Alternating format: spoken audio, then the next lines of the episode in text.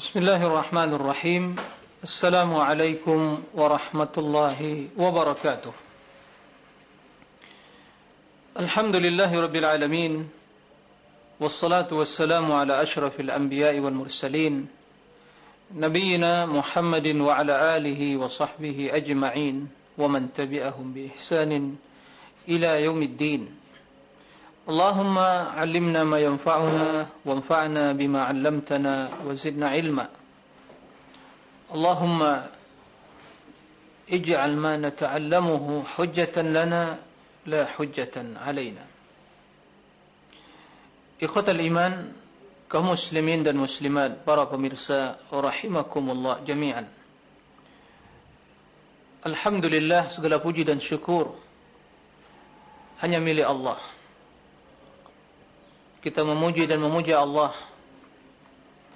atas limpahan rahmat karunia yang tidak terhitung banyaknya.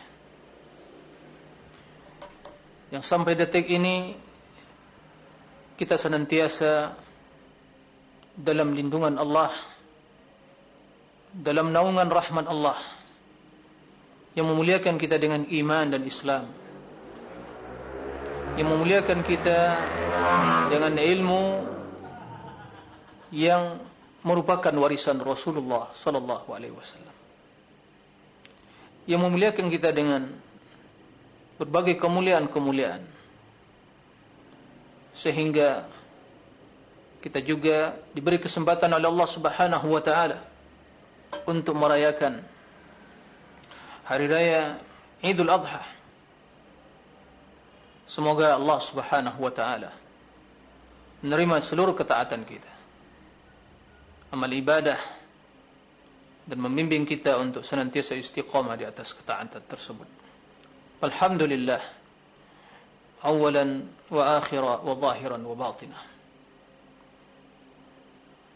Kemudian salawat dan salam mari kita perbanyak ucapkan. Seraya memohon kepada Allah Azza wa Jal Semoga salawat dan salam kita dicurahkan kepada junjungan kita Nabi besar Muhammad sallallahu alaihi wasallam. Sebagai suri tauladan kita. Sebagai imam bagi kita semua. Yang akan menuntun kita menuju ridha Allah Subhanahu wa taala. Allahumma salli wa sallim wa barik wa an'im ala 'abdika wa rasulika Muhammad. Para pemirsa dan juga para pendengar rahimakumullah masih dalam suasana lebaran, suasana Idul Adha. Maka pada kesempatan yang mulia ini, uhanni'ukum bihululi Idul Adha al-Mubarak. Selamat Hari Raya Idul Adha 1439 Hijriah. Semoga Allah Azza wa Jalla menerima seluruh ketaatan kita taqabbalallahu minna wa minkum salihal amal.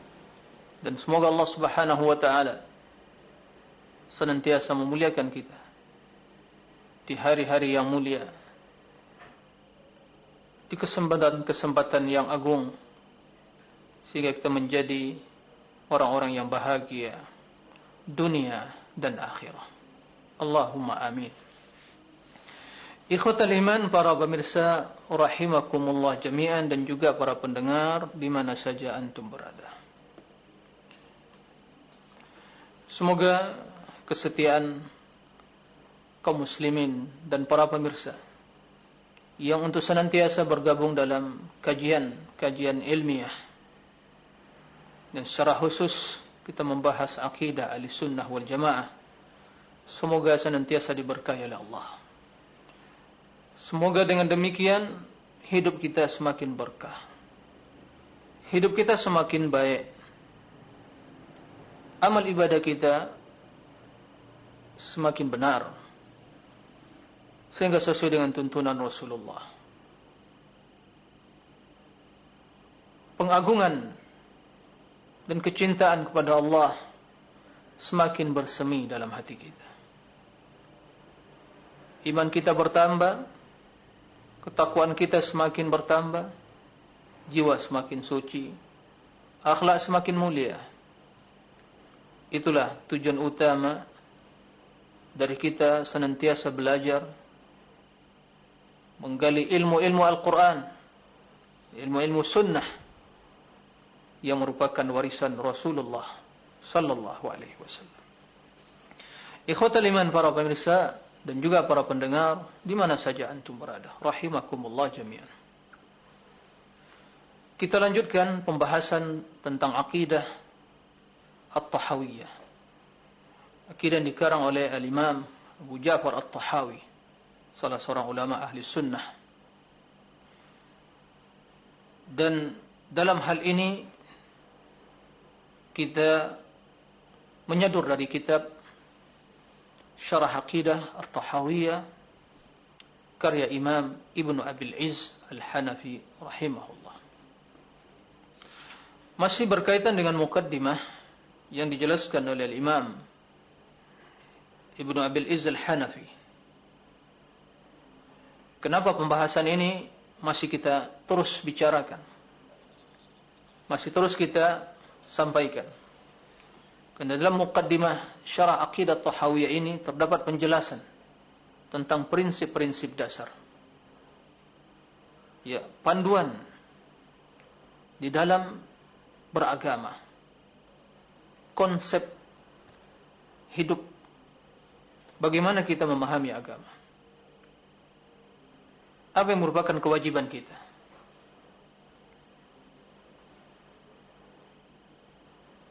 dan bagaimana sikap kita terhadap warisan Rasulullah sallallahu alaihi wasallam yaitu ilmu agama ini pada pembahasan sebelumnya dijelaskan oleh Imam Ibn Abil Izz Al-Hanafi sebab utama munculnya kesesatan dan kebatilan. Itu tatkala semakin jauh ya masa kenabian atau masa manusia dari kenabian maka semakin bermunculan berbagai kebatilan dan kemungkaran. Yang demikian itu juga penyebab utamanya adalah munculnya berbagai penyimpangan, penyelewengan terhadap teks-teks wahyu. Ya, terhadap Al-Qur'an dan Sunnah. Jadi masing-masing berusaha memahami dengan akalnya. Ya, tidak kembali kepada bimbingan Allah dan Rasulnya. Nah, kemudian dijelaskan oleh Imam Ibnu Abil Is Al-Hanafi kadalik. Ya begitu juga sebutkan oleh beliau bahwa orang-orang munafikin tatkala mereka disuruh untuk kembali kepada Allah dan Rasulnya mereka ya menutup diri dari hal itu. Sehingga mereka tinggalkan Al-Quran tinggalkan hadis kemudian kata mereka kami ingin mengkombinasikan mengkolaborasikan antara wahyu dengan akal, dengan filsafat, kata mereka. Maka muncullah teori-teori yang menyimpang. Ya. Sehingga mereka tinggalkan Al-Quran, mereka datangkan teori-teori yang hasil rekayasa dari akal mereka, yang bertentangan dengan wahyu, terutama dalam perkara-perkara yang berkaitan dengan ketuhanan, yaitu teologi, masalah keimanan. Ya. Begitu juga datang sekte-sekte yang lain, yang membagi agama, ada yang hakikat, ada yang makrifat kata dia. Ada yang kulit, ada isinya. Ada batin, ada zahirnya menurut mereka. Maka bermunculan berbagai pemahaman. Berbagai pemikiran.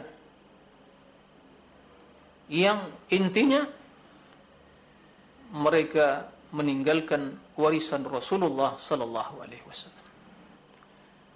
Maka kata Imam Ibn Abil Izz al-Hanabi Disebabkan kejahilan mereka dari ahlul kalam dan filsafat Dari kelangan ahli tasawuf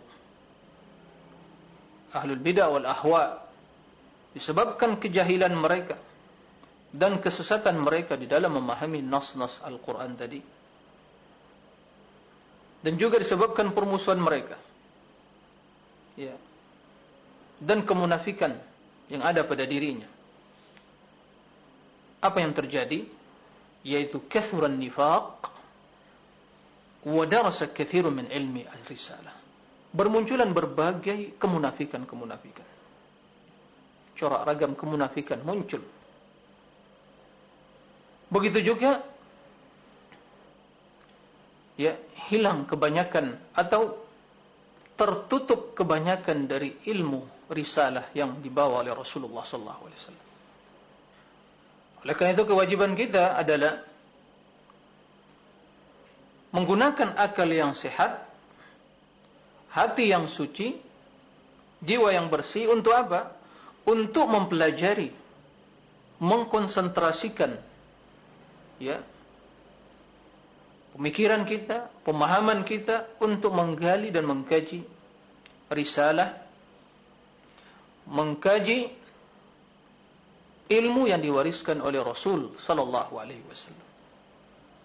Bersungguh-sungguh ya. Membahas, mengkaji, mempelajari apa yang dibawa oleh Rasul, tujuannya untuk apa? Liyu'lam liyu'lama wa yu'taqad, agar kita mengetahui dan kemudian meyakini kebenarannya. Ini tugas kita. Bukan mencari pemikiran-pemikiran yang lain, pemahaman-pemahaman yang lain atau ilmu-ilmu selain dari warisan Rasulullah. Jadi telah cukup bagi kita. Telah lengkap. Ya. Dan pembahasan kita tentang perkara agama, perkara akidah, perkara keimanan, perkara ibadah, itu telah cukup. Enggak perlu kita mencari tuntunan yang lain, panduan yang lain, konsep yang lain, pemikiran yang lain, teori yang lain. Ya. Akan tapi yang dituntut ya pada kita semua adalah kita mengkaji dan membahas wal ijtihadul kamil kata beliau dan bersungguh-sungguh di dalam mempelajari ya risalah ilmu yang datang dari Rasulullah. Untuk apa? Pertama untuk kita ketahui. Yang kedua untuk kita yakini. Kemudian diamalkan wa yu'mal bihi zahiran wa batinan dan diamalkan lahir dan batin. Itu tujuan. Jadi tujuan kita belajar ya mengkaji, membahas mengkonsentrasikan pemikiran kita untuk menggali warisan-warisan Rasulullah. Ya. Tujuannya apa? Agar kita mengetahui kemudian meyakini kebenaran ilmu tersebut. Yang ketiga untuk diamalkan. Zahiran wa batinah. Ya. Dengan demikian fayakunu qad tuliya haqqa tilawati dengan ketiga perkara tersebut maka seorang sungguh dia telah mengikuti kebenaran itu dengan sesungguhnya membaca huruf-hurufnya memahami isi kandungannya dan mengamalkan perintah-perintah terkandung dalam syariat dalam wahyu Al-Quran dan Sunnah. Wa alla yuhmal minhu syai' dan tidak disia-siakan, tidak ditinggalkan suatu pun dari hal itu. Ini tugas kita semua. Sudah cukup. Ya. Kemudian kata beliau, ya, jika sekiranya sebagian kita atau kita tidak mampu untuk mengetahui sebagian ya, sebagian dari warisan Rasul sallallahu alaihi wasallam dari kebenaran tersebut. Wa in kana al-'abdu 'ajizan an ma'rifati ba'di dhalik. Jika seorang hamba tidak mampu mengetahui sebagian dari risalah dari agama Islam ini, dari wahyu yang dibawa oleh Rasulullah wasallam, awil amal bihi atau mengamalkan sebagiannya. Maka tidak boleh ya ketidakmampuan dia tersebut ya dan dia tidak bisa melakukan sebagian dari ajaran Islam tersebut. Tidak boleh baginya ya. Untuk apa? Untuk melarang orang lain mencegah orang lain dari mempelajari ajaran Islam sunnah-sunnah Nabi sallallahu alaihi wasallam nah jika dia tidak mampu mengetahui dan tidak mampu mengamalkan sebagian dari ajaran tersebut, maka celaan tersebut bagi dirinya. Ya. akan tetapi hendaknya dia kata Imam Ibn Abil Izz Al-Hanabi walakin alaihi an yafraha biqiyami ghairi bihi. Kan tapi hendaknya dia bergembira bila ada orang lain yang siap untuk melakukan hal itu. Jadi kalau kita enggak mampu mempelajari Islam secara keseluruhan mengetahui segala seluk beluk tentang masalah Islam ini atau kemampuan kita sangat lemah sekali atau mungkin dalam beramal maka seharusnya kewajiban kita kita bergembira bila ada orang lain dari saudara-saudara kita kaum muslimin ini ya bersungguh-sungguh mempelajari ya menggali warisan Rasulullah sallallahu alaihi wasallam dan juga bersungguh-sungguh untuk mengamalkannya wa yarda bidzalik dan ridha terhadap perbuatan itu. Dan dia berkeinginan wa yawaddu an yakuna qa'iman bihi. Dan dia memiliki keinginan, niat ya sekiranya dia bisa ya juga melakukan seperti itu. Ini sikap kita. Oleh kerana itu kata dia wa alla yu'min bi ba'dhihi wa yatur bi Jangan kita beriman dengan sebagian ajaran Islam meninggalkan sebagian yang lain. Bal yu'minu bil kitabi kulli. Kata dia beriman secara totalitas. Ya, secara menyeluruh terhadap syariat Islam ini. Dan kita harus menjaga jangan sampai masuk ke dalam syariat Islam ini sesuatu yang bukan bagian dari syariat. Wa yusana an an yudkhila atau an yadkhula fihi ma laysa minhu. Dia harus menjaga membentengi dari masuknya sesuatu ke dalam Islam yang bukan bagian dari Islam. Baik itu berupa berita, riwayat atau pemikiran ya. Atau suatu yang datang dari selain Allah. Hasil perasaan dia, tradisi dia, warisan para leluhurnya, pemikiran dia, perasaan dia atau mimpinya, ya, khayalannya. Semua itu harus kita jaga Islam jangan sampai masuk ya virus-virus yang seperti itu ke dalam Islam. Ya. I'tiqadan atau amalan, baik itu berupa keyakinan atau amalan. Jadi enggak boleh kita masukkan ke dalam Islam ini akidah-akidah yang batil. Sudah ada akidah yang benar ada dalam Al-Qur'an dan Sunnah selain dalam Al-Quran dan Sunnah berarti suatu kebatilan. Sudah pelajari itu. Jangan lagi ditambah-tambah. Jangan lagi dimasukkan. Ya. Pemikiran kita, pemahaman kita. Karena suatu kebatilan. Ya. Karena demikian itu termasuk mencampur adukan antara al-haq dengan batil. Maka kebatilan akan tertutup. Allah subhanahu wa ta'ala ya, melarang tentang hal itu. Qala subhana, wa la talbisul haqqa bil batil wa taktumul haqqa wa antum ta'lam. Jangan kalian mencampur adukan antara hak dengan batil. Yang hak ya jelas, yang batil jelas juga. Enggak boleh dicampur aduk. Ya. Enggak boleh digabungkan. Wa taktumul haqqa wa antum ta'lamun dan kalian sembunyikan kebenaran sementara kalian mengetahui hal itu. Dan konsekuensi menggabungkan ya antara hak dengan batil yaitu menyembunyikan kebenaran. Menyembunyikan al-haq tersebut. Karena bila tercampur antara hak dengan batil maka pasti akan terkontaminasi yang apa? Yang hak. Karena kebenaran suci bersih tulus ya bersih putih. Belum ternodai. Kebatilan suatu yang tercela yang bernoda hitam kelam penyakit.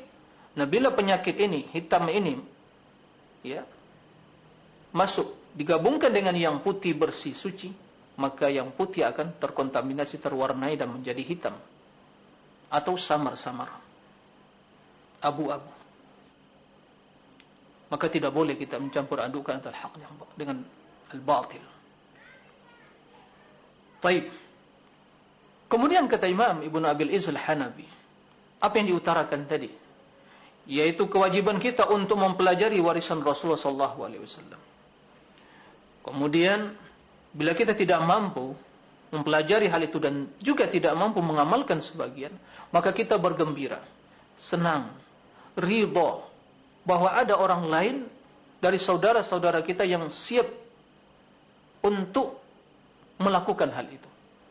Dia pelajari, dia amalkan, dia serukan, dia berdakwah kepada sunnah tadi. Dan kita bergembira dan dalam hati kita ada niat yang baik, ya seandainya kita juga menjadi seperti dia. Itu harus ada dalam diri kita. Ya. Kemudian tidak boleh mencampur adukan antara hak dengan batil. Nah kata beliau,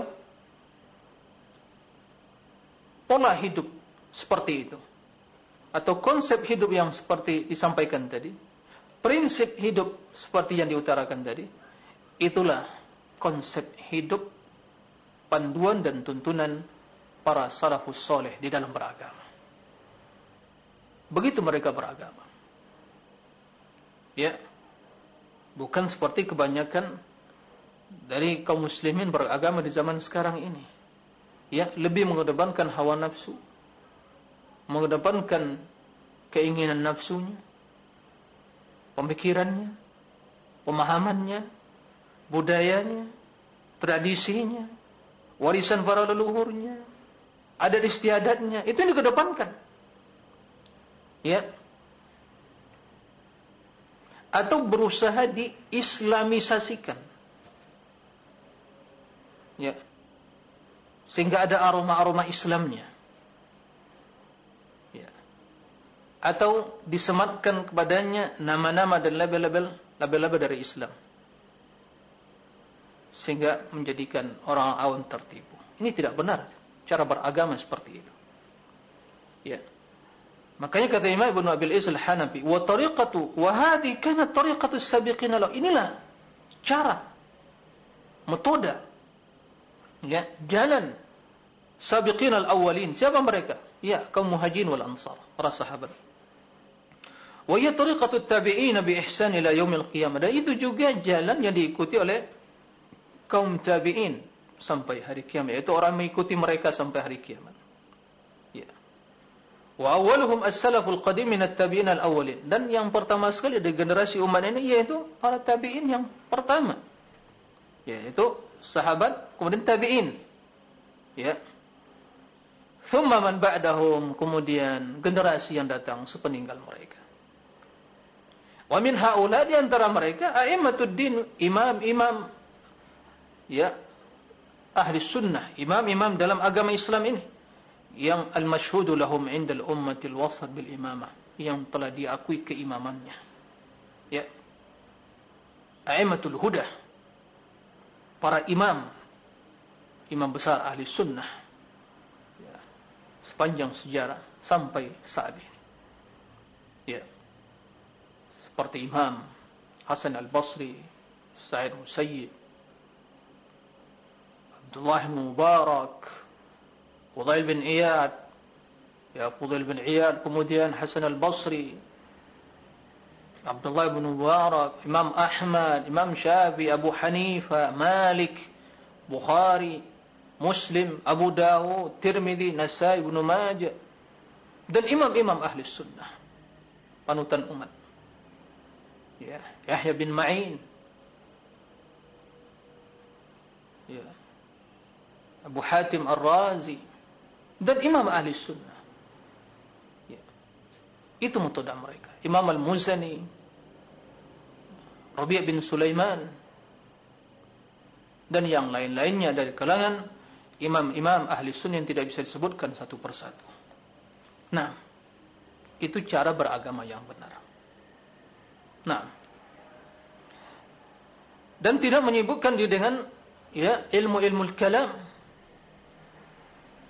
dan ilmu-ilmu filsafat yang merusak agama, yang merusak akidah, maka munculnya penyimpangan dalam dalam memahami akidah, yaitu secara historinya, ya sejarah pemikiran-pemikiran yang muncul dalam Islam itu bermula dari teori-teori filsafat yang diterjemahkan ke dalam bahasa Arab. Kemudian itu yang ditekuni dan dipelajari oleh sebagian kaum muslimin muncullah yang namanya ilmu kalam yang semata-mata hanya berlandaskan logika dan akal yang jauh dari cahaya wahyu dan ilmu. Nah, sehingga muncul penyimpangan-penyimpangan, muncul orang-orang yang mengingkari sifat-sifat Allah. Ya. Muncul orang-orang pemikiran-pemikiran yang menafikan sifat-sifat Allah dan berusaha untuk ya mencari takwilan, pentakwilan-pentakwilan yang lain terhadap sifat, bahkan mentakwil sifat-sifat tersebut. Ya. Diingkari, bahkan muncul pernyataan yang mengatakan pemikiran yang sesat, mengatakan Quran makhluk kata mereka mengingkari sifat-sifat Allah, sifat kalam Allah tidak berbicara kepada Musa dan yang lainnya. Ya. Muncul pemikiran-pemikiran Jabriyah yang mengingkari manusia katanya mengingkari ke, uh, kemampuan dan juga kekuatan manusia dan ikhtiar mereka. Terus bermunculan tatkala muncul ilmu kalam tersebut. Dan fitnah yang terbesar menimpa umat ini yaitu apa yang dirasakan oleh imam yang dihadapi oleh imam ahli sunnah wa jamaah imam Ahmad bin Hanbal. Penyebabnya tatkala muncul ilmu kalam tersebut. Oleh kerana itu Imam Abu Yusuf, murid senior Imam Abu, uh, Abu Hanifah rahimahullah, ya, mengatakan kepada Bishr Al-Mirrisi. Bishr Al-Mirrisi ini tokoh sentral Mu'tazilah, Al-Jahmiyah. Ya. Kendati dia juga belajar fikir terhadap Abu Yusuf. Ya. Akan tetapi dia ini pencetus sekte Al-Mirisiyah yaitu Jahmiyah, Mu'attilah yang mengingkari sifat-sifat Allah. Sehingga kata Imam Al-Dhahabi dalam kitab Lisanul Mizan, orang ini kata beliau mubtadi'un dhal, ahlul bidah yang sesat. La yang bagi an yurwa anhu wala karamah. Enggak pantas, enggak boleh yang meriwayatkan hadis darinya atau ilmu darinya wala karamah, enggak ada kemuliaan sama sekali. Ya, ini kata Imam Al-Dhahabi. Bukan kata saya, Imam Al-Dhahabi mengatakan hal itu. Nah, oleh kerana itu kata Abu Yusuf, tatkala mulai benih-benih ilmu kalam tadi muncul, atau dizambah, kan tak jauh sebelumnya juga, atau mungkin sebelum uh, hal itu muncul. Kemudian ditekuni oleh Bishr Mirisi ini. Apa kata Abu Yusuf kepada Bishr Mirisi? Al-ilmu bil kalam wal jahm mempelajari, mengetahui ilmu kalam itu sebuah kebodohan, kata beliau. Wal jahlu bil kalam ilmun, wal ilmu. Dan tidak mengetahui, tidak mempelajari, biarkan ilmu kalam itu tidak dipelajari, tidak ditekuni, sebuah keilmuan. Wa idza sara ar-rajulu ra'san fil kalam, qila lahu zindiq. Apabila seorang telah menjadi tokoh sentral dalam ilmu kalam, maka akan dikatakan punya zindiq. Au rumiya bin sandaq atau dia itu ya dituduh dengan pemikiran zindik tadi. Ya. Nah Imam Ibn Abil Is menjelaskan apa yang maksud ya bahwa mengetahui tentang ilmu kalam suatu kebodohan dan tidak mengetahui ilmu kalam suatu ilmu. Kata beliau arada bil jahli i'tiqadu alami sihhati. Dimaksud kebodohan ya bil kalam yaitu tidak mengetahui tentang ilmu kalam. Maksudnya yaitu meyakini ketidakbenaran ya ilmu tersebut. Ya. Fa inna dzalika ilmu nafi. Itu satu ilmu yang bermanfaat. Jadi kita meyakini bahwa ilmu kalam itu menyimpang. Tapi ingat apa yang dimaksud yang dicela oleh para ulama tentang ilmu kalam itu tatkala ilmu kalam filsafat itu digunakan dalam urusan akidah dalam urusan agama dalam urusan teologi atau eh, ketuhanan atau enam uluhiyah keimanan. Adapun permasalahan ilmu kalam dan filsafat dalam urusan-urusan dunia mengatur urusan dunia silakan. Bisa seorang ya membuat sebuah teori dan yang akan membantah teori tersebut. Begitu seterusnya. Teori itu bisa bertahan dalam masa waktu ya berapa tahun kemudian datang yang lain membantah teori tersebut. Itu biasa. Karena ini urusan dunia. Mengatur ya untuk kemaslahatan manusia. Melakukan riset dan penelitian tentang masalah urusan dunia. Silakan kita menggunakan akal. Ya. Melihat indikator-indikator yang ada. Membandingkan satu dengan yang lainnya ya harus menggunakan akal.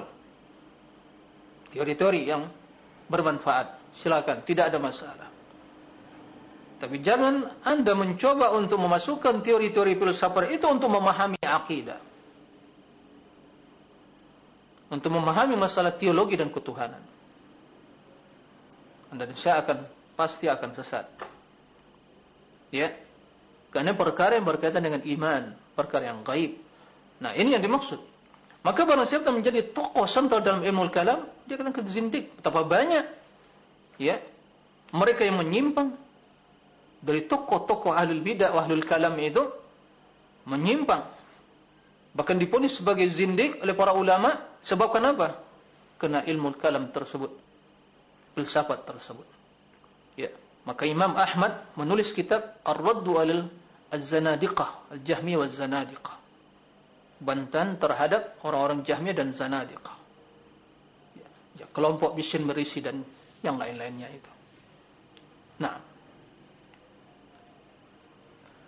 Kemudian au arada atau maksud dari perkataan Abu Yusuf itu al-i'radu anhu, berpaling dari mempelajari wa tarkil iltifat ila i'tibari dan tidak yang menganggap itu sebuah keilmuan dalam konteks membahas tentang masalah-masalah teologi dan ketuhanan. Usuluddin ya. Fa inna dalil fa inna dhalika yasunu ilma ar-rajul wa aqlah. Yang demikian itu akan menjaga menjaga ini akal seseorang. Ya ilmu seseorang dan akalnya. Yasunu ilma ar-rajul akan menjaga ilmu seorang dari ilmu apa? Dari kesesatan dan akalnya akan cemerlang. Akalnya akan sehat. Selamat dari berbagai syubhat-syubhat ya filsafat dan ilmu kalam tersebut. Fayakunu ilman bihadzal i'tibar. Sehingga yang demikian ini kata beliau merupakan sebuah ilmu. Bila seorang selamat akalnya selamat hatinya dia memahami kebenaran dengan jelas dan nyata itu sebuah ilmu ilmu yang bermanfaat Begitu juga beliau mengatakan man talabal ilma bil kalam tazandaq. Barang siapa yang menuntut ilmu dengan cara metode ahlul kalam itu ada akan membawa kepada kezindikan. Penyimpangan kebatilan. Ya. Sehingga Imam Syafi'i rahimahullah, Imam Ahli Sunnah wal Jamaah, muridnya Imam Malik, ya.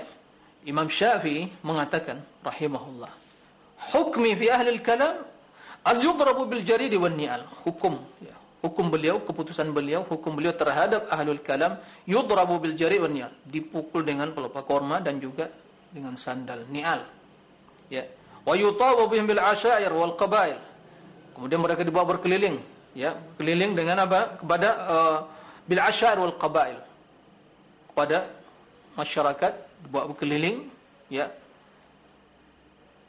Diperlihatkan, dipertontonkan kepada masyarakat Kemudian dikatakan wa yuqal hadza jazaa'u man taraka al-kitaba was-sunnah wa aqbala al-kalam. Inilah balasan orang-orang yang meninggalkan Al-Qur'an dan sunnah dan mengikuti ilmu kalam. Itu keputusan dan hukum yang diberikan oleh Imam Syafi'i. Dan Imam Syafi'i rahimahullah yang paling ya yang paling banyak membantah atau mencela ilmu kalam dan tokoh-tokoh ilmu kalam tersebut.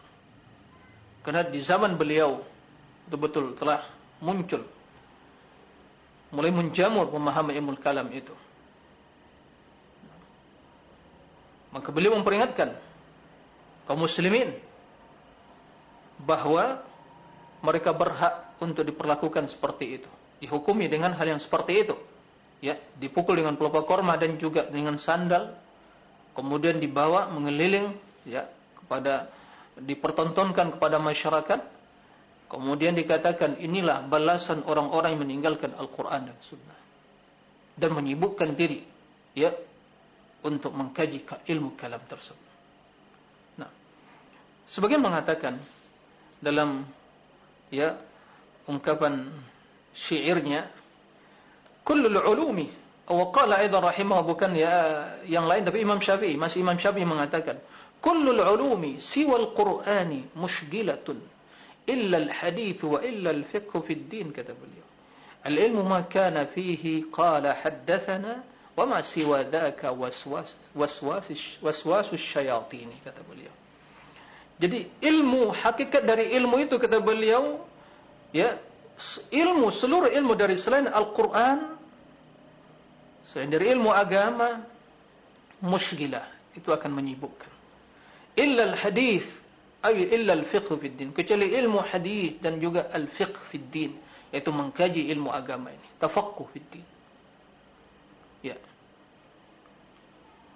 Al-ilmu hakikat ilmu itu kana fihi qala haddatsana yang didapatkan ya dari sumber pengambilannya. Sumbernya itu yang kita dapatkan riwayat yang bersambung yaitu qala haddatsana qala fulan haddatsana an fulan qala haddatsana qala haddatsana itu ilmu yang ada riwayatnya yang meriwayatkan yang menukil ilmu secara bersambung ya kepada Nabi sallallahu alaihi wasallam. Wa ma siwa dan selain dari ilmu tersebut waswas syaitan, waswas dari syaitan. Imam Syafi'i ingin menjelaskan bahawa hakikat ilmu yang akan mendatangkan kebaikan yang bermanfaat ya, yang akan membawa mengingatkan kita pada akhirat ilmu Al-Qur'an dan Sunnah. Adapun ilmu selain itu seperti ilmu kalam, ilmu filsafat ini menyibukkan, menghabiskan waktu. Ya. Kata Syekhul Islam Ibn Taimiyah ya bahwa orang-orang yang cerdas jenius tidak butuh pada ilmu seperti itu dan orang awam tidak bermanfaat baginya dan tidak dipahami oleh orang awam. Ilmu-ilmu filsafat seperti itu. Jadi bagaikan daging yang busuk yang ada di puncak gunung berlomba-lomba naik mendaki gunung telah capek sampai ke atas ke puncak gunung ternyata yang dapatkan hanya daging busuk. Begitu perumpamaannya. Dia capek ya menggunakan akalnya merekayasa beranalogi. Ternyata yang dapatkan bagikan daging yang busuk. Apa manfaatnya? Begitu kita imam para ulama. Ya. Tapi ilmu Al-Quran dan Sunnah subhanallah menambah iman. Ya. anzalahu bi ilmi itu ilmu Allah. Maka orang mempelajari Al-Quran mentadabur Al-Quran pelajari hadis mentadabur hadis. Ya. Kemudian dia istimbat ya mengerahkan semua potensi dan kemampuannya untuk mentadabbur menghayati merenungi dan juga memahami hukum-hukum yang terkandung di dalamnya. Dan menyimpulkan berbagai ya prinsip-prinsip dalam beragam itulah yang bermanfaat. Maka orang seperti itu tentunya umurnya merupakan keberkahan ya dalam hidupnya. Tidak sia-sia. Nah, ini bukan berarti ingat bukan berarti tidak boleh mempelajari ilmu. Ilmu umum yang kalau itu bermanfaat bagi umat manusia boleh tidak ada masalah. Karena dunia harus diatur. Ya. Tapi yang menjadi permasalahan tatkala manusia berpaling dari ilmu agama dia tidak paham agama. Dia seorang yang muslim tapi tidak paham terhadap agamanya tapi disibukkan dengan perkara-perkara yang lain. Inilah musgilatun menyibukkan. Sehingga Masya Allah dia mungkin sampai ke tingkat yang paling tinggi dalam urusan dunia. Keilmuannya. Tapi baca Quran enggak bisa. Solatnya enggak beres. Dia enggak kenal pada sang pencipta. Ya. Apa manfaatnya? Apakah itu akan dibawa mati? Tapi selama itu bermanfaat, diperbolehkan. Tapi yang menjadi kewajiban utama, kenal pada agama Allah ini, sang pencipta, kenal pada Islam, dan kenal pada Nabi-Nya. Nah, itu ilmu Al-Quran. Tafakku fid din. Nah, adapun selain itu, ya was-was dari syaitan. Nah, kemudian Imam Ibn Abil Iz melanjutkan فكيف يرام الوصول إلى علم الأصول bighair ittiba'i ma ja'a rasul. Kata beliau bagaimana seorang akan ya menginginkan untuk sampai kepada dasar-dasar prinsip ya dalam beragama ini. Ilmu usul ilmu yang menjelaskan tentang prinsip-prinsip dasar dalam beragama. Usuluddin. Ya. Bighairi ittiba'i ma ja'a rasul. Ya tanpa mengikuti ya apa yang datang dari rasul. Mustahil. Ya mustahil. Seorang yang ingin kenal kepada Allah, ingin kenal kepada agama, ingin kenal kepada Rasulnya, ingin mengetahui segala yang berkaitan dengan akidah, keimanan. Kemudian dia tidak mengikuti apa yang dibawa oleh Rasul itu wahyu. Maka yang demikian itu tidak akan mungkin. Kalaupun dia mengikuti maka akan membawa kepada kebatilan dan kesesatan. Mustahil. Ya. Berarti kalau dia bisa mengetahui kebenaran dengan selain jalan Rasulullah, berarti dia lebih hebat dari Rasulullah. Ya. Dia menemukan sebuah penemuan baru, akidah. Akidah inilah akidah kaum ini dan seluruhnya pemahaman ini seterusnya dalam beragama ha? lalu disematkan dinisbatkan pada Islam berarti dia lebih mulia dari Rasul. Bisa menemukan suatu kebenaran yang tidak ditemukan oleh Rasul. Bisa mendapatkan suatu kebenaran yang tidak didapatkan oleh Rasul. Na'udzubillah min dalik ya agama telah sempurna. Ilmu yang diturunkan oleh Allah lengkap mengatur urusan hidup manusia mengatur apalagi perkara-perkara agama, masalah keimanan. Telah dijelaskan oleh Rasul. Jangankan perkara-perkara yang berkaitan dengan ma'rifatullah, ma'rifatul Rasul, ma'rifatul din. Perkara-perkara yang dalam adab tata cara, buang hajat, beristinja, bersuci, buang hajat. Diajarkan ya sedemikian mungkin secara detail. Kemana menghadap, apa yang harus dibaca sebelum masuk ya toilet setelah keluar apa diatur itu dalam hal-hal yang seperti itu. Lalu bagaimana dengan perkara akidah perkara keimanan yang merupakan ruh kebutuhan jiwa kita? Rohani kita ini akan sakit akan gelisah bila tidak mendapatkan ya gizi tersebut. Ma'rifatullah.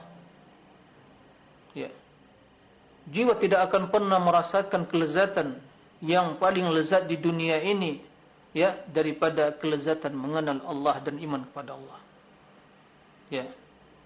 Jadi sebagian para ulama mengatakan miskin penduduk dunia ini. Bertahun-tahun mereka hidup tapi tidak kenal sesuatu yang paling lezat dalam hidup ini yang mereka rasakan. Itu tidak kenal kepada Allah. Ya, mereka hanya tahu kelezatan dunia, kenikmatan dunia. Tapi kelezatan yang sesungguhnya ma'rifatullah, hati mengenal sang pencipta sehingga bersemi dalam hatinya keimanan. Keimanan yang membuahkan amal saleh, akhlak yang mulia, kecintaan yang melahirkan pengagungan, pengorbanan.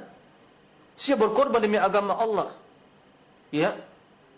Sehingga ridha dengan keputusan Allah sehingga kendati hatinya ada pada jasadnya. Tapi hati tersebut ya selalu terpaut di tempat yang tinggi sampai menuju aras rahman. Ya dekat kepada Allah. Nah itu kebanyakan manusia miskin di dunia tidak kenal yang itu. Ya mereka mengenal urusan dunia sedetail mungkin. Masya Allah ahli Tapi dalam hal yang seperti ini Masakin, miskin. Ya. Maka Sebagian mengatakan Ayyuhal muqtadi liyatluba ilman Kullu ilmin abdun li ilmi rasuli. Wahai orang yang menginginkan mencari Sebuah keilmuan ya. Seluruh ilmu merupakan Abdun, ya, hamba bagi ilmunya rasul Itu pengikut. Ya, Jadi ilmu yang utama Ilmu yang dibawa oleh rasul. Begitu Oleh kerana itu, kewajiban kita ma'asyul muslimin rahimakumullah adalah untuk betul-betul mempelajari ilmu Rasul. Di mana kita mendapatkan ilmu tersebut? Ya dalam Al-Quran dan Sunnah. Bukan tradisi, bukan budaya. Ya. Saya yakin demi Allah. Yakin, saya yakin, yakin. Bila umat ini belajar yang benar. Mempelajari warisan Rasul. Gak butuh namanya istilah-istilah bermacam-macam. Agama inilah, aliran inilah, Nusantara inilah, agama Islam, Islam tak perlu. Ya. Kelembutan, keramahan, rahmat, kasih sayang, keadilan. Ada dalam ajaran Nabi SAW. Cuma orang yang tidak memahami ajaran Nabi dan salah dalam menerapkan ajaran Nabi tersebut, muncul ketimpangan tadi. Ya. Maka jangan Islam dikambing hitamkan. Orang tersebut Orang enggak becus yang mengamalkan itu. Islam dah utuh sempurna. Ya. Begitu. Nah. Jadi Nabi sallallahu alaihi wasallam wa nabiyuna sallallahu alaihi wasallam utiya fawatihal kalam kalim. Naam, wa khawatimah wa jawami'. Nabi yang mulia sallallahu alaihi wasallam diberikan kepada dikaruniakan kepadanya oleh Allah Subhanahu wa taala kunci-kunci ilmu dan penutupnya wajawamiah dan semua hal-hal yang mencakup keilmuan tersebut. Ya. Makanya beliau sallallahu alaihi wasallam kendati uh, lafaz dari hadis-hadisnya singkat tapi padat dan syarat dengan makna. Itu nama jawamiul kalim. Ilmu-ilmu umat sebelumnya itu Allah berikan kepadanya. Dan penutup dari ilmu tersebut juga. Jadi beliau memiliki kunci-kuncinya dan penutupnya. Sehingga kalau seorang tidak memiliki kunci bagaimana akan masuk ya ke dalam ilmu tersebut. Naam. Wa bu'itha bil ulumil kulliyah wal ulumil awwaliyah wal akhiriyah wal ukhrawiyah. Awwaliyah wal ukhrawiyah ala atamil wujuh. Beliau diutus oleh Allah membawa ilmu ilmu yang komprehensif, yang menyeluruh. Wal ulumul awwaliyah wal akhir. Ilmu ilmu umat-umat sebelumnya dan yang terakhir. Dan tidak lagi umat setelah umat Nabi Muhammad sallallahu alaihi wasallam ala atamil wujuh. Ya sesuai dengan ya kondisi yang sempurna. Lakin kullama ibtada'a syakhsun bid'atan ittasa'u an jawabiha fi jawabiha. Yang menjadi permasalahan setiap ada seseorang membuat bid'ah perkara-perkara yang baru dalam agama ini maka mereka ya berluas-luas dalam menjawabnya. Sehingga kita melihat perkataan yang banyak. Mana banyak perkataan ya generasi atau manusia di zaman belakangan ini perkataan generasi pertama ya dari umat Islam ini. Perkataan Nabi singkat padat. Perkataan para sahabat lebih banyak dari perkataan. Perkataan tabi'in lebih luas lebih banyak lagi. Perkataan sahabat singkat tapi padat. Nah, tapi begitu muncul berbagai bid'ah-bid'ah maka dituntut ulama untuk ya, menjelaskan syubhat-syubhat dari bid'ah tersebut sehingga membutuhkan perkataan yang lebih banyak. Tapi bukan berarti yang banyak berbicara, yang banyak perkataan itu lebih banyak ilmunya tidak. Ya, oleh karena itu kata beliau, "Falidzalika sara al-kalamu ta'akhirin katsiran." Oleh karena itu perkataan orang-orang mutaakhirin ini, orang-orang di belakangan ini, ya, itu kathiran semakin banyak. Banyak perkataan yang qalilul barakah sedikit keberkahannya. Bi khilafil kalamil mutaqaddimin. Berbeda dengan perkataan para ulama-ulama mutaqaddim. Fa innahu qalilun kathirul barakah perkataan generasi salaf generasi terdahulu dari umat ini simple singkat tapi penuh dengan berkah. Itu perbedaannya jadi dari sekarang kita harus merubah mindset kita. Kalau kita selama mengatakan semakin banyak bicaranya, semakin pandai mengomong dan bicara, Masya Allah. Oke. Okay. Ini orang yang berilmu. Ya. Berjam-jam dia bisa merangkai, merakit kata dan untayan-untayan kalimat yang mensihir. Yang menyihir audiensnya dan juga ya para pendengar dan pemirsa. Semua terkesima. Ya terbawa larut oleh omongannya. Sehingga manusia memberikan cap jempol. Masya Allah oke okay. ini ustaz. Ini mubalik, ini masya Allah, orator dan yang lainnya. Tapi mereka lupa ternyata bukan itu standar keberkahan dan kebaikan dan ilmu tadi. Nah, oleh karena itu perkataan orang-orang mutaakhirin semakin banyak, panjang, tapi sedikit keberkahannya. Para ulama salaf sedikit perkataannya, tapi keberkahannya dan ilmunya. Ya, ini yang harus Ya, mulai sekarang kita pahami ini yang benar, standar penilaian yang benar. Kama yaqulu dhullal mutakallimin wa jahalatim. Sebagaimana sebagian ya mengatakan dari orang-orang yang menyimpang, yang sesat dari kalangan ahlul kalam yang tidak memahami kata mereka, anna tariqatal qaum min al-muntasimin al-fiqh إنهم لم يتفرغوا لاستنباط الفقه وضبط قواعده وأحكامه اشتغالا منهم بغيره والمتأخرون تفرغوا لذلك فهم أفقه ini pernyataan ya mengklaim bahwa kata mereka orang-orang terdahulu itu kata mereka mereka itu tidak mengkonsentrasikan ya belum memfokuskan memkonsentrasikan untuk istimbat fiqh mengkaji fikih secara mendalam dan ya mengetahui mempelajari kaidah-kaidahnya secara detail dan hukum-hukumnya. Kenapa? Karena sibuk mereka ya dan kesibukan mereka dengan yang lain kata mereka. Adapun orang-orang mutaakhirin, masya-Allah mereka lebih sibuk memfokuskan dia untuk istimbat, mengkaji dan menghasilkan hukum-hukum dan mentadabbur, menghayati Kata mereka, mereka lebih afqah, lebih banyak fikihnya, lebih paham terhadap agama. Ini menurut orang mutaakhirin. Jadi kenapa salaf itu, para generasi salaf, sahabat tabi'in, atba' tabi'in, sedikit perkataannya. Karena mereka tidak ingin, ya, tidak mau memfokuskan kemampuan mereka untuk mengkaji dan membahas dari dalil tadi. Tapi orang mutaakhirin mereka, Masya Allah, mampu untuk hal itu. Berarti mereka lebih faqih, lebih banyak ilmu dan tentang fikih. Lebih paham terhadap agama. Ini kata mereka, tentunya pernyataan yang batil. Bukan begitu. Ya. Dan ini pada hakikatnya mereka yang tidak mengenal keutamaan dan kedudukan tingginya kedudukan generasi salafus saleh dalam ilmu amal dan akhlak. Oleh karena itu kata Imam Ya Ibnu Abil Izz Al-Hanafi mengatakan fa kullu haula mahjubuna an ma'rifati maqadir semua mereka itu orang-orang mutaakhirin yang mengatakan pernyataan seperti itu. Ya orang mutaakhirin kata mereka lebih paham terhadap agama ini, lebih berilmu, lebih jenius, lebih pintar menurut mereka. Ya semua mereka itu tertutup ya dari memahami kedudukan dan keutamaan kemuliaan generasi salaf. Wa umqi ilmihim dan dalamnya ilmu mereka. Wa qillati takallubihim dan sedikitnya ya mereka dalam takalluf yaitu memaksakan diri untuk hal yang tidak bermanfaat. Wa kamali basairihim dan kesempurnaan ya keilmuan mereka.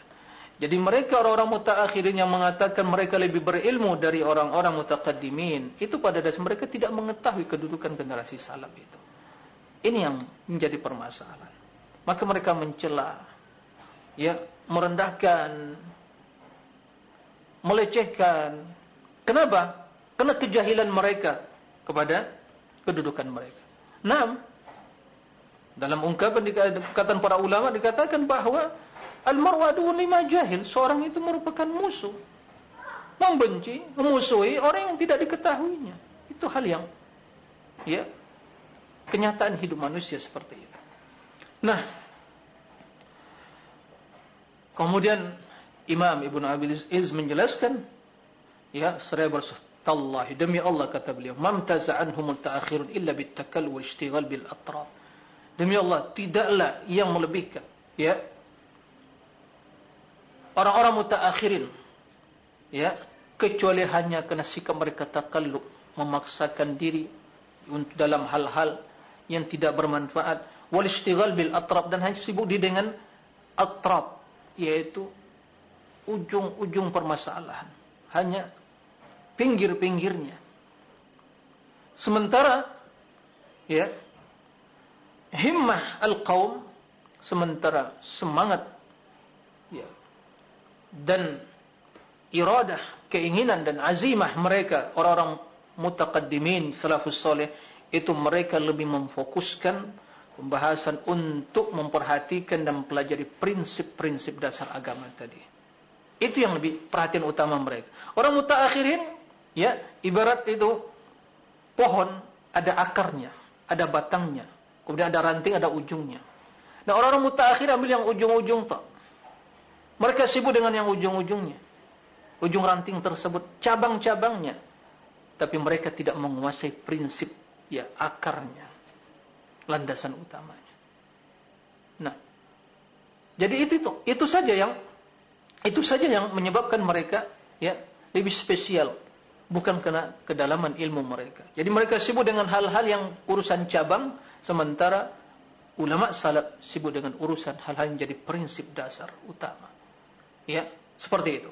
Wadabti qawaid dan betul-betul memahami kaidah-kaidah dasar keilmuan dan agama ini. Wa shaddi ma'aqidiha dan juga betul memantapkan ya landasan utama ya pondasi dari keilmuan tersebut. Wa himamuhum mushammaratun fil matalibil 'aliyah fi kulli syai' dan himmah mereka semangat mereka terus ya ada dalam mencari dan menggapai perkara-perkara yang tinggi dan mulia dalam segala sesuatu. Adapun mutaakhirin ya permasalahan mereka fi sya'nin wal qaumu fi sya'n. Jadi berbeda. Ya. Berbeda. Bah mutaakhirin urusan mereka berbeda, kondisinya dan mutaqaddimin berbeda. Ya masing-masing Allah telah berikan keutamaan dan kemuliaan. Artinya masing-masing telah ada kedudukannya. Jadi jangan sampai kita salah dalam penilaian, persepsi ya bahwa tentunya para ulama salaf lebih berilmu lebih tulus lebih mulia akhlaknya ketimbang orang-orang belakangan maka kita harus memahami kedudukan mereka harus kita memuliakan generasi salaf karena tanpa mereka ya setelah taufik dari Allah Subhanahu wa taala enggak mungkin sampai ilmu nabi itu kepada kita Umar Abu Bakar Abu Bakar, Umar, Uthman, wa Ali, sahabat yang lainnya, mereka yang mewariskan. Mewarisi dari Nabi dan mewariskan kepada kita. Ya, sampai ilmu tersebut. Dan kalau kita lihat bagaimana perkataan mereka sangat singkat, padat dengan makna. Ya, berbeda dengan perkataan orang-orang mutakhir. Jadi kesimpulannya adalah standar keilmuan bukan pandainya seorang berorasi, bukan panjangnya perkataan seseorang, ya dia bisa menjabarkan dan mensyarah berjam-jam bukan itu sebagai penilaian tapi yang penilaian adalah kebenaran itu sendiri perkataan yang singkat padat dan syarat dengan makna itulah yang berkah itulah sebagai bukti pertanda keilmuan seseorang. Itulah yang dimiliki oleh salafus saleh mudah-mudahan kita bisa meneladani mereka di dalam beragama ini. Nah demikian. Wallahu a'lam. Nah, baik sekarang jazakallah khair barakallahu fik atas materi yang telah disampaikan oleh Ustaz di kesempatan pagi hari ini dari pembahasan kita syarah kita Al-Tahawiyah yang mudah-mudahan bermanfaat bagi kita semua dan kita pun bisa mengambil faedahnya. Dan untuk selanjutnya kami buka sesi interaktif, sesi soal jawab bagi Anda para pemirsa yang ingin bertanya langsung. Silakan Anda bisa menghubungi kami di layanan telepon di 0218236543 atau Anda bisa mengirimkan pertanyaannya di line pesan singkat ya di 0819896543. Baik, kesempatan pertama kami berikan di layanan telepon. Silakan, mungkin sudah ada yang terhubung di 021 823 6543. Nah, halo. Halo, Assalamualaikum Ustaz. Waalaikumsalam warahmatullahi wabarakatuh. Dengan siapa di mana? Dengan Umu Iqbal di Jambi. Iqbal di Jambi, silakan. Iya, oh, begini Ustaz, uh, mengenai apa umroh uh, ibu sang ibu umurnya 76 tahun.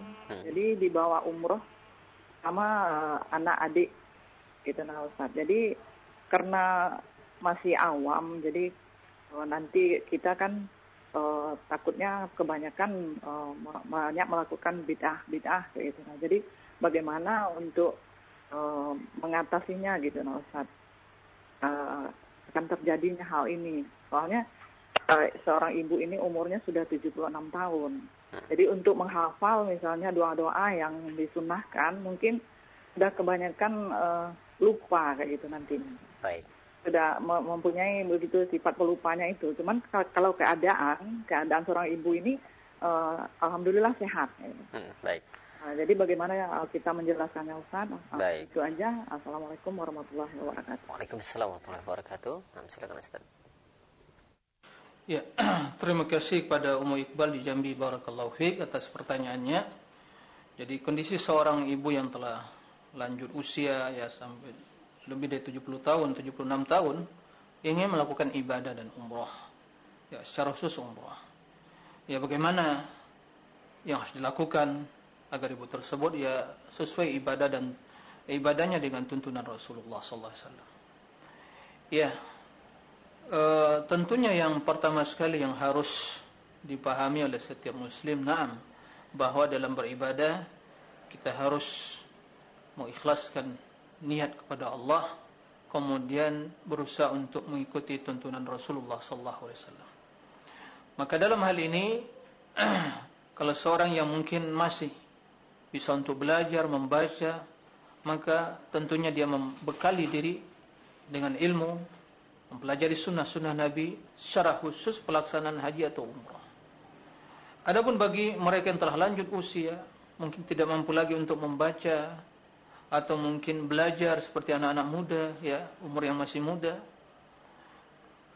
Kemudian juga ingatan sudah sering lupa. Maka dalam hal ini seorang anak hendaklah membimbing orang tuanya. Ada pembimbing, pembimbing yang terus yang mengarahkan dia, ya, membimbing dia dalam pelaksanaan ibadah tersebut, terutama masalah umrah atau haji yang sejenisnya. Itu betul pembimbingan. Nah, seorang yang membimbing ini dia harus paham bagaimana berumrah, ya diingatkan, dibisikkan ke telinganya, ya terus diingatkan, dia harus sabar, ya Begitu, diingatkan.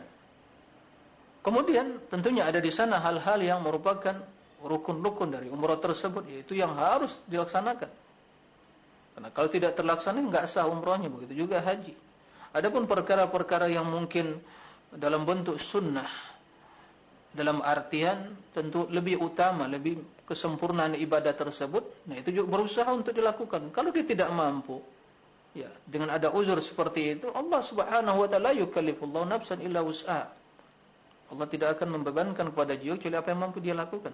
Tapi dia harus tanamkan kepada orang tua, terus disampaikan, diingatkan terus, ya semangat keinginan untuk terus beramal bagaimana mengenal dari Rasul. Kemudian dia berusaha seperti itu dengan cara yang baik, omongan yang santun, ya, dalam kondisi seperti itu, dan ini insyaAllah merupakan birul walidain. Ya, birul walidain bagi orang yang seorang yang memiliki orang tua yang masih kuat secara fisik untuk uh, beribadah, tapi secara keilmuan, ya ingatan telah berkurang, maka di sini bimbingan dan per, apa bantuan dari keluarga, secara terutama yang anak untuk membimbing orang tuanya pergi melaksanakan ibadah tersebut. Nah, mudah-mudahan yang demikian itu ya mendapatkan kemudahan dari Allah Subhanahu wa taala. Wallahu a'lam. Nah, baik syukran jazakallahu khair atas jawaban Ustaz dan selanjutnya kami akan angkat pertanyaan di layanan pesan singkat. Ada pertanyaan dari Abu Diva yang berada di Semarang. Assalamualaikum ya Ustaz. Apakah mentakwil sifat Allah itu dapat mengeluarkan dari seseorang dari Islam Ustaz? Mohon penjelasannya. Ya, terima kasih kepada uh, Bapak yang bertanya. Barakallahu fiik. Pertanyaannya apakah mentakwil sifat dapat mengeluarkan dari Islam? Pertama perlu kita mengetahui ya bahwa pentakwilan pentakwilan tersebut tidak sama uh, tingkatannya. Ya. Pentakwilan tersebut tidak sama tingkatannya. Bila pentakwilan yang dilakukan oleh orang-orang yang oh, Jahmiyah yang sampai mengingkari sifat-sifat Allah, mengingkari Al-Quran sebagai kalamullah, ini jelas bisa membawa pada kekufuran. Atau pentakwilan ya orang-orang batiniyah yang mentakwilkan ya uh, nas-nas Al-Qur'an secara umum dan hal berkaitan dengan sifat ya maka ini bisa mengeluarkan dari Islam ya. Adapun pentakwilan yang uh, dilakukan oleh ahlul kalam yang menyebabkan mereka mengingkari sifat-sifat Allah ini karena mereka memiliki syubhat ya. Mereka memiliki syubhat ada syubhat makanya para ulama tidak mengkafirkan mereka. Ya ahlul kalam yang mentakwil sifat-sifat Allah ya seperti mentakwil istiwa dengan istaula mentakwil sifat uh, tangan dengan kekuatan dan yang lainnya ya mentakwil sifat turunnya Allah nuzul dengan turunnya perintah Allah atau malaikat atau rahmatnya itu pentakwilan dan tidak dikafirkan para ulama karena pentakwilan yang mereka ada syubhat ya ada syubhat dan mereka tujuannya ingin mengagungkan Allah kata mereka. Karena sisi pandang mereka, kalau kita tetapkan sebagaimana adanya, maka ini jelas akan menyerupai makhluk. Turun, masa Allah turun. Allah maha tinggi, masa turun, kata mereka. Dia mengatakan Allah zatnya maha tinggi, kok turun. Berarti Allah meninggalkan kosong dari aras menurut Itu syubhat alul kalam tadi. Ya, Begitu. Jadi kata mereka ingin mengagungkan Allah, maka menurut akal mereka kalau kita tetapkan sifat tangan misalnya, Allah tangan berarti seperti tangan manusia. Ya. Istiwa di atas aras. Berarti kalau kita tetapkan istiwa yang sesungguhnya, hakikat istiwa hakiki hakikat atau istiwa yang hakiki yang sesungguhnya, berarti Allah butuh pada aras. Kalau aras jatuh berarti Allah jatuh. Menurut mereka seperti itu. Itu syubhatnya. Maka dalam hal ini mereka lupa pada satu prinsip atau uh, uh, satu landasan utama dalam hal ini bahawa dalam hal ini pembahasan tentang masalah Allah ya bukan permasalahan makhluk ya kita mengetahui Allah tidak sama dengan makhluk laisa kamitslihi syai' was samiul basir begitu jadi sisi ini yang mungkin mereka lupa atau sengaja mereka ya karena ada syubhat ilmu kalam tadi nah oleh karena itu, setiap mentakwil sifat, permasalahannya mereka muncul dari mereka persepsi yang keliru dalam otak mereka. Bahawa kalau kita tetapkan sifat tadi, berarti kita menyerupakan dengan makhluk. Berarti untuk menyelamatkan hal itu, maka ditakwil. Alasan mereka seperti itu. Jadi pentakwilan seperti itu tidak sampai pada kekufuran. Karena mereka punya syubhat. Makanya para ulama tidak mengkabirkan orang-orang takalimun yang mu'awilah. Kecuali orang-orang yang sampai mengatakan Al-Quran, makhluk kata mereka ya mengingkari sifat kalam ini berbeda lagi pembahasannya ya jadi demikian ya tidak boleh kita dalam hal ini semena melakukan kendati kita mengimani dan meyakini mereka dengan takwil tadi secara otomatis sifat Allah diingkari tapi karena itu mereka ada syubhat pentakwil maka di antara ya mawani hambatan dari menjatuhkan fonis apa menjatuhkan fonis kafir tadi adalah ada pentakwil. Nah, seperti itu. Jadi semuanya mereka sepakat Allah memiliki keagungan, kemuliaan sifat, tapi mereka tatkala melihat kalau kita tetapkan ini sama dengan makhluk, oh berarti ini kita terjatuh nanti pada tasbih. Jika hanya demikian berarti kita mentakwil. Menurut mereka seperti itu. Ya, begitu. Jadi kesimpulannya tidak secara spontanitas seperti itu dihukumi sebagai kufur kecuali pentakwilan yang betul-betul ya sampai mengingkari ya kalamullah dan mengingkari Allah berbicara dan mengingkari bahawa Al-Quran sebagai kalamullah atau pentakwilan orang-orang batiniyah ya kebatinan dari sekte batiniyah yang mentakwilkan sifat-sifat atau mungkin ayat-ayat Al-Quran ini jelas pentakwilan yang yang merupakan bentuk kekufuran. Nah, wallahu a'lam. Ya, nah baik syukuran jazakallahu khair atas jawaban Al Ustaz demikian dan selanjutnya ada pertanyaan kembali kami angkat di layanan pesan singkat Ustaz.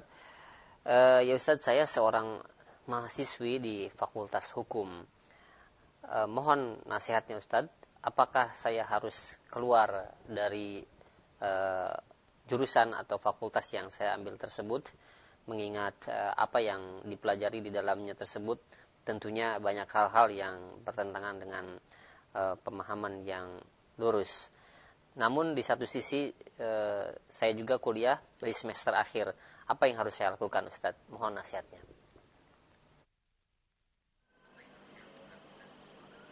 Nah, ya terima kasih kepada ukti yang bertanya dengan kondisi yang dia di, di apa namanya di semester terakhir dalam kuliah di Fakultas Hukum. Banyak di sana hal-hal yang mungkin bertentangan dengan ya eh, ilmu atau mungkin prinsip-prinsip Islam.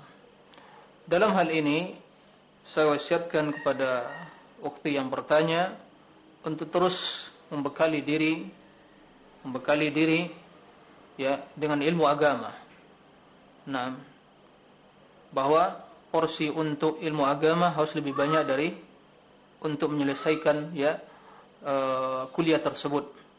Ya, kendati mungkin dalam kuliah tersebut bermanfaat dalam urusan dunia, yang mudah menjadi senjata nanti untuk menjelaskan al-haq pada manusia. Dan di sana mungkin ya seorang yang belajar ilmu agama yang benar bisa dia ya membenahi hukum-hukum tersebut. Karena dia memiliki keilmuan dalam urusan agama. Maka wasiat saya adalah untuk ya terus menggali ilmu agama mempelajari ilmu agama ya. Dan mumpung ya di semester terakhir maka saya berharap ya untuk dia sabar sabar menyelesaikannya. Ya. Mudah-mudahan bisa menyelesaikannya bermanfaat untuk menegakkan kebenaran sehingga dia tahu hukum yang terjadi di negara ini sehingga tidak mudah ditipu dan menjadi mungkin ya orang yang bisa dimanfaatkan keilmuannya agar kaum muslimin melihat dengan masalah hukum ya yang berlaku sehingga di situ mungkin ya hak kita tidak dizolimi dan terzolimi dan kita tidak musa tidak eh, dan kita tidak mudah untuk dibohongi dalam permasalahan penerapan hukum yang berlaku di negara kita maka kalau itu bermanfaat dan bisa dimanfaatkan untuk menegakkan agama Allah menegakkan syiar agama Allah maka saya berharap ya selesaikan saja kuliahnya kemudian dengan catatan ya ukhti yang bertanya harus terus membekali diri dengan ilmu dan waspada dari syubhat-syubhat tersebut. Ya terus memohon pertolongan kepada Allah.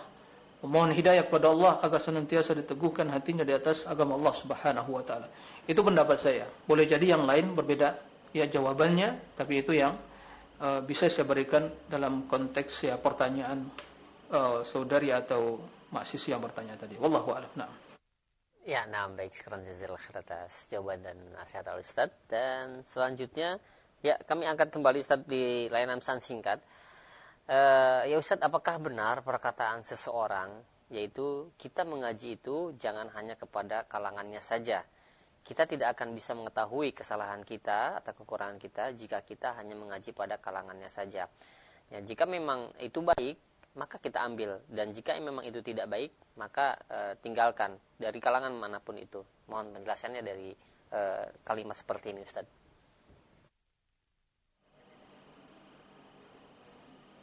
Nah, ya terima kasih atas pertanyaannya.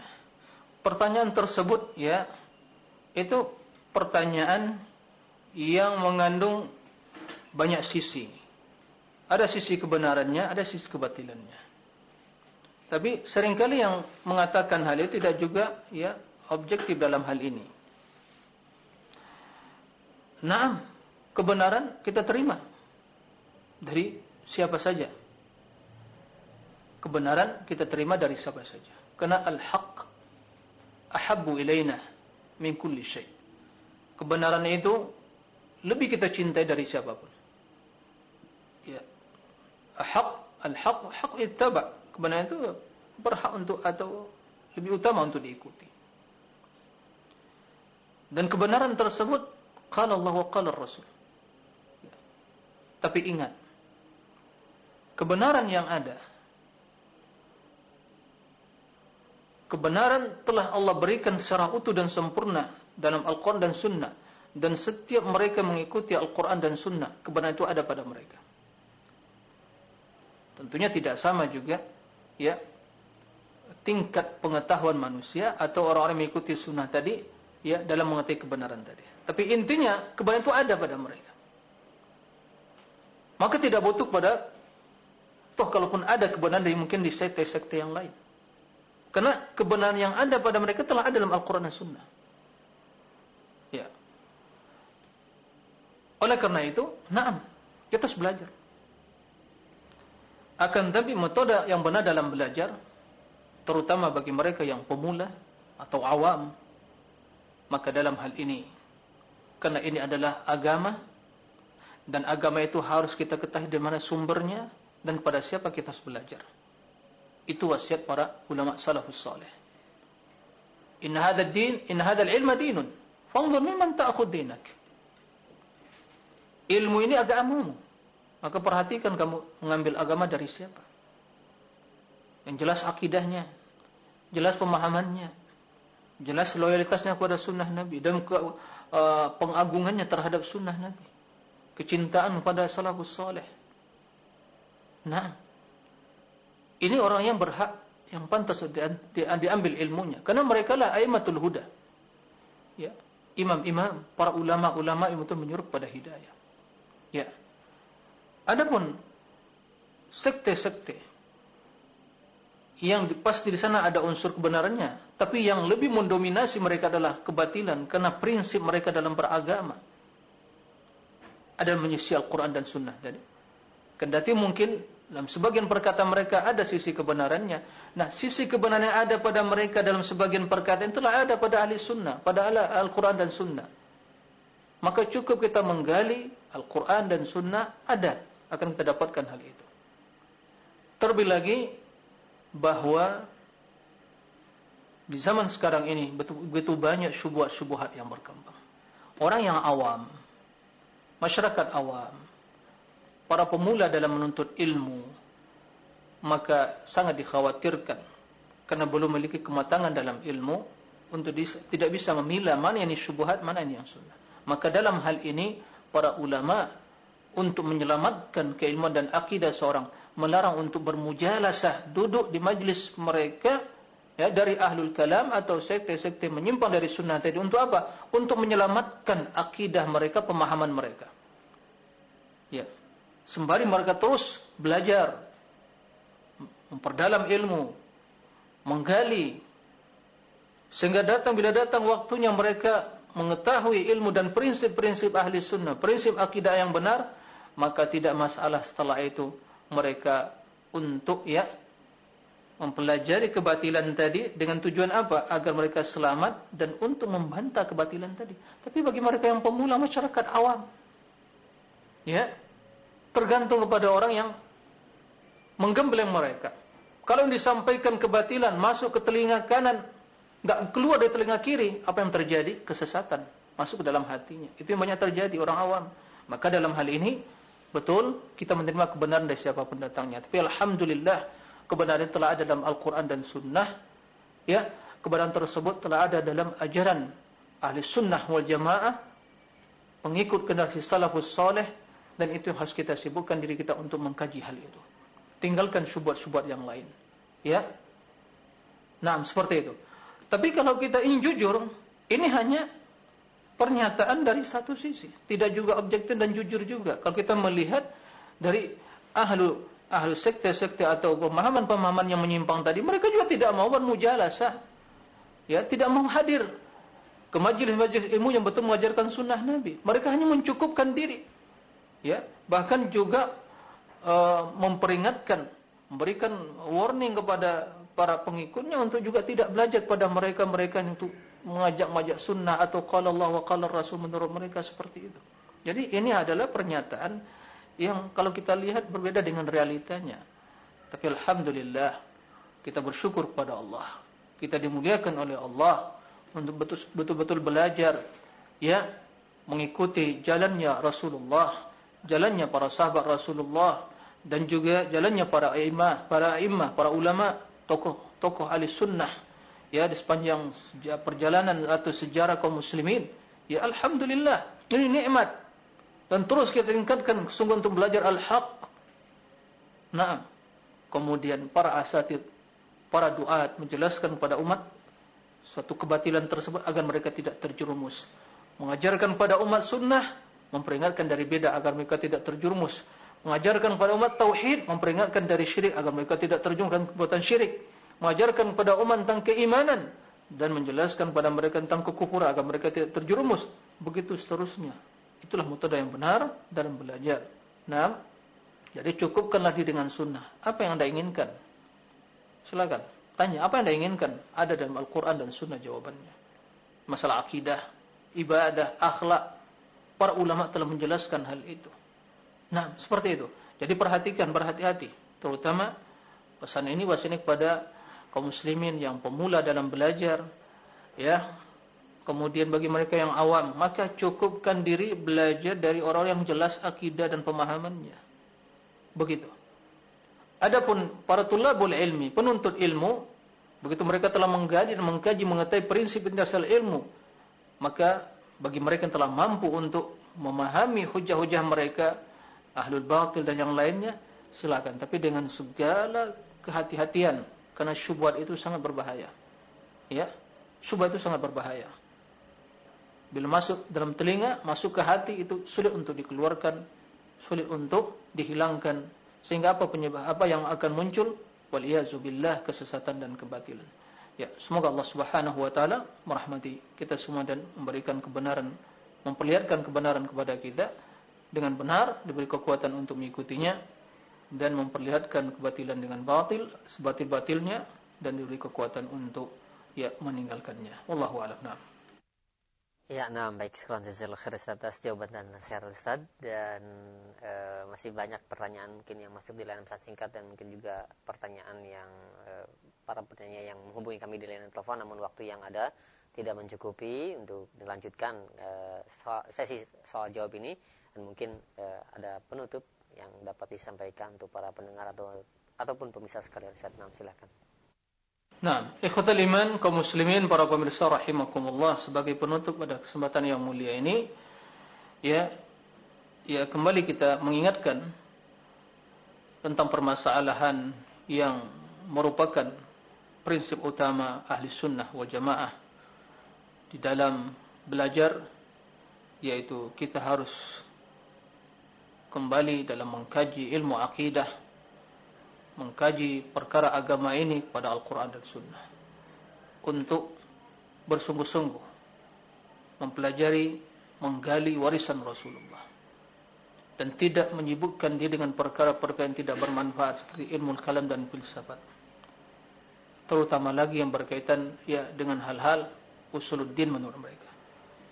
Oleh karena itu suatu hal yang keliru tentunya tatkala digabungkan antara usuluddin dengan filsafat usuluddin adalah prinsip-prinsip beragama, filsafat hasil rekayasa akal dan otak manusia. Ya. Oleh karena itu suatu hal ya kekeliruan. Makanya dia pelajari bukan usulid tapi filsafat. Ya. Dan ingat ilmu Al-Qur'an, ilmu sunnah berbeda dengan ilmu filsafat dan tidak bisa digabungkan. Maka seorang belajar, mahasiswa atau mahasiswi atau kaum muslimin hendaknya bersungguh-sungguh mengkaji ilmu Al-Qur'an dan sunnah warisan Rasulullah sallallahu alaihi wasallam dan tidak menyibukkan diri dengan hal-hal yang tidak bermanfaat dalam keilmuan yang hanya menghabiskan umur tapi tidak membawa kebaikan buktinya semakin mereka mengkaji dan membahas mempelajari mendalami ilmu-ilmu filsafat dan ilmu-ilmu kalam tersebut bukan semakin dekat kepada Allah. Bukan semakin cinta kepada Allah. Bukan semakin mengagungkan Allah. Karena ilmu yang seperti itu ilmu yang tidak berkah ilmu yang tidak bermanfaat akan tapi hanya menimbulkan kebatilan keraguan kebingungan sehingga kita dapatkan mereka yang paling banyak kebingungannya paling dahsyat kebingungannya di akhir penghujung hidup mereka adalah ahlul kalam begitu.